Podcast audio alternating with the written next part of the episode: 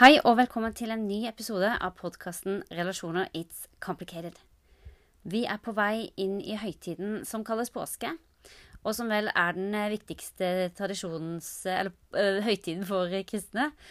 Den øh, sier noe om at Gud ble menneske og valgte å dø for at menneskene skulle få leve evig, og at han også som Gud seira over døden. Likevel er det vanskelig for eh, mange av oss, uavhengig av om vi har en tro eller ikke, å leve det livet som vi faktisk må leve. Og det er det jeg vil snakke litt om i dag. Om livet og et ønske om vei ut av det. For det er ofte det det handler om for de som tar livet sitt.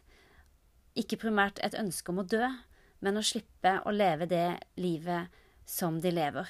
Slippe å få leve livet slik det er eller slik det har blitt. Tall fra 2018 viser at så mange som 674 valgte å ta livet sitt i Norge. Dette er ganske mange flere enn de som dør i trafikkulykker hvert år. 70% av de som begikk selvmord, var begått av menn, hvorav 68% av disse igjen var i alder 25 til 65 år. Det som mange syns er vanskelig, er hvordan man skal samtale med mennesker som man lurer på om tenker på å ta livet sitt. Eller hvor deprimerte er de egentlig? Og er dette tema man kan bringe opp hvis vedkommende ikke først har bringt det på bane? Og samtidig så er det sånn at disse som står i den vurderingen om å ta livet sitt og ikke, lever med en utholdelig psykisk smerte som ofte fører til en dyp depresjon, og som ofte fører til et voldsomt tunnelsyn i forhold til hva man ser av muligheter og løsninger i forhold til det man erfarer. Og samtidig kjenner man også ofte veldig, veldig mye på en skamfølelse og en skyldfølelse, og tror at det er til det beste for alle rundt seg at man faktisk ender livet sitt. Og det gjør at eh, det ikke er så veldig lett å gripe fatt på å snakke om dette, både for den som vurderer å ta livet sitt, og for den som står ved siden av. Og Samtidig så er det viktig å gjenta at ofte så har ikke disse menneskene egentlig lyst til å dø, men de bare orker ikke å leve.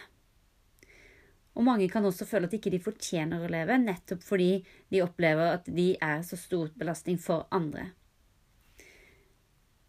Jeg har lyst til å løfte frem ulike utsagn som vi som står rundt, gjerne tenker, eller iblant også sier. Det første utsagnet er sånn Om jeg er bekymret for noen, kan jeg sette dem på tanken om selvmord ved å spørre om de har tanker om å ta sitt eget liv. Om jeg er bekymret for noen, kan jeg sette dem på tanken om selvmord ved å spørre om de har tanker om å ta sitt eget liv. Dette er usant. Det verken forårsaker eller øker faren at du velger å spørre noen om de har tanker om å ta sitt eget liv.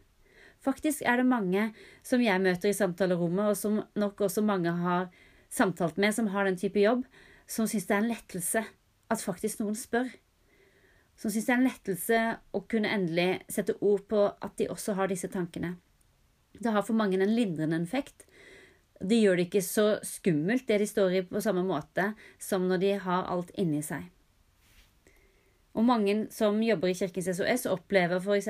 at endelig er det en plass hvor det er andre som inviterer til en sånn type samtale. Et nytt utsagn. De som virkelig har bestemt seg for å ta sitt eget liv, kommer til å gjennomføre det uansett hva jeg gjør. De som virkelig har bestemt seg for å ta sitt eget liv, kommer til å gjennomføre det uansett hva jeg gjør. Dette er også usant. Nettopp fordi vi lever med den ambivalensen mellom livskrefter og dødskrefter, så har det noe å si hva du gjør og ikke gjør, og hva du sier og ikke sier. Du kan gjøre en forskjell, og du kan forebygge ved å gripe inn eller ved å gjøre noe og si noe. Nettopp fordi, som sagt, mennesker ønsker ofte ikke å dø, men de bare orker ikke å leve. Og Samtidig så er ofte disse handlingene om å ta livet sitt også kortvarige impulshandlinger, som ikke alltid er nøye planlagt, men det kan av og til komme eh, og skje spontant. Nye utsagn. De som stadig snakker om at de vil ta selvmord, kommer ikke til å gjøre det. De vil bare ha oppmerksomhet. Denne setningen tror jeg veldig mange har tenkt, og den har jeg tenkt. De vil bare ha oppmerksomhet. Vi trenger alle oppmerksomhet, og det er ulike måter vi prøver å få det på. Men de fleste av oss sier ikke at vi har tenkt å ta livet vårt, hvis ikke vi faktisk har tenkt den tanken. Så igjen er det et usant utsagn eller påstand. Samtidig, det viser at ofte man har hatt flere forsøk. Gjentatte Nei, både at man har hatt Nei, beklager, la meg starte på nytt. Det viser seg både at ved de som har gjentatte uttalelser om det, også ofte har gjentatte forsøk på å ta livet sitt. Og dette er med å øke risikoen og sannsynligheten for at det faktisk vil finne sted en gang. Og det å ikke nødvendigvis ignorere at man hørte den setningen, men heller poengtere at man faktisk hørte den, og stille spørsmål tilbake, kan være en gyllen anledning for å begynne å snakke om det som faktisk skjer og sies. Et nytt utsagn de fleste selvmord kommer som lyn fra klar himmel og er umulig å forebygge. Usant. De fleste selvmord kommer ikke som lyn fra klar himmel, men det har ofte blitt varsla på ulike måter før den selve handlingen. Men det er ikke alltid det er blitt oppfatta. Det er mange indirekte budskap som denne personen gjerne vil sende, og det er nettopp kunnskap både om disse mytene og om risikofaktor og faresignaler som kan være forebyggende og hindre at folk tar sitt eget liv. Noen av faresignalene kan være en endring i søvnmønster. Det kan være endring i appetitt. Det kan være endring i forhold til bruk av rusmidler. Kanskje legger du merke til noen som begynner å drikke på litt andre tidspunkt enn alle andre. Litt mer enn alle andre. Litt oftere enn alle andre. Kanskje er det sånn et signal begynner å bli synlig. Noen begynner å trekke seg mer tilbake. Man føler seg gjerne til bry, og at man er festbrems på mange måter, og dermed så unngår man å være med folk, fordi man kjenner seg så veldig til belastning. Det kan være et signal. Mange har disse uttalelsene om å føle seg som en byrde. Noen har også uttalelser om at ikke de har noe å leve for, eller at de vil bort for alt, eller at de har lyst til å ta livet sitt. Og dette er ikke bare for å få oppmerksomhet, dette er signaler som kan vise at det er fare på ferde. Noen begynner å rydde, noen begynner å gi bort eiendeler, ordne forsikringer og forberede seg på å forlate dette livet. Men noen kan også ha helt motsatte signaler, nemlig at fra å være veldig nede, veldig deprimert, veldig nedstemt, så kan de plutselig bli veldig glad. Veldig høyt oppe og tilsynelatende ute av fare. Men så handler det bare om at de har tatt en beslutning. Og at det er lettere for de å leve med å ha tatt den beslutningen enn å være i den ambivalensheten som de har vært i lenge. Så hvordan kan vi spørre, hvordan kan vi samtale om dette hvis vi aner noe, eller hvis vi lurer på noe? Nå når vi vet at ikke vi nødvendigvis forårsaker selvmord ved å spørre om det.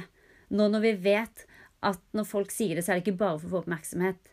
Nå når vi vet at uh, vi ikke kan bringe folk med på tanken med å gjøre det ved å bringe samtaler på banen. Hvordan kan vi samtale om det? En ting du kan si, er jo å faktisk gjenta den setningen hvis den blir sagt høyt, at den har lyst til å ta livet sitt. Og kunne nettopp bruke den anledningen til å si du, jeg hører du har sagt flere ganger at du skulle ønske at alt tok slutt, eller at du skulle ønske at du ikke levde. Er dette en tanke du tenker ofte? Hvor ofte tenker du den tanken? Er det sånn at du har begynt å gå videre på den tanken? Har du begynt å se for deg hvordan det skjer? Har du begynt å planlegge det? Er det sånn at du av og til våkner opp om morgenen og ikke, eller skulle ønske at ikke du våkna opp? Planlegger du å ta livet ditt? Og på den måten så kan vi nettopp snakke om det framfor å bare gjette masse inni oss uten å våge å snakke høyt om det. De fleste mennesker går gjennom livet med å tenke denne tanken en eller flere ganger. Så det er ikke så unormalt å ha disse tankene. Men vi snakker ofte ikke så høyt om det, og det er det som også gjør det vanskelig og som gjør at man nettopp håndterer mye mer i livet alene enn sammen.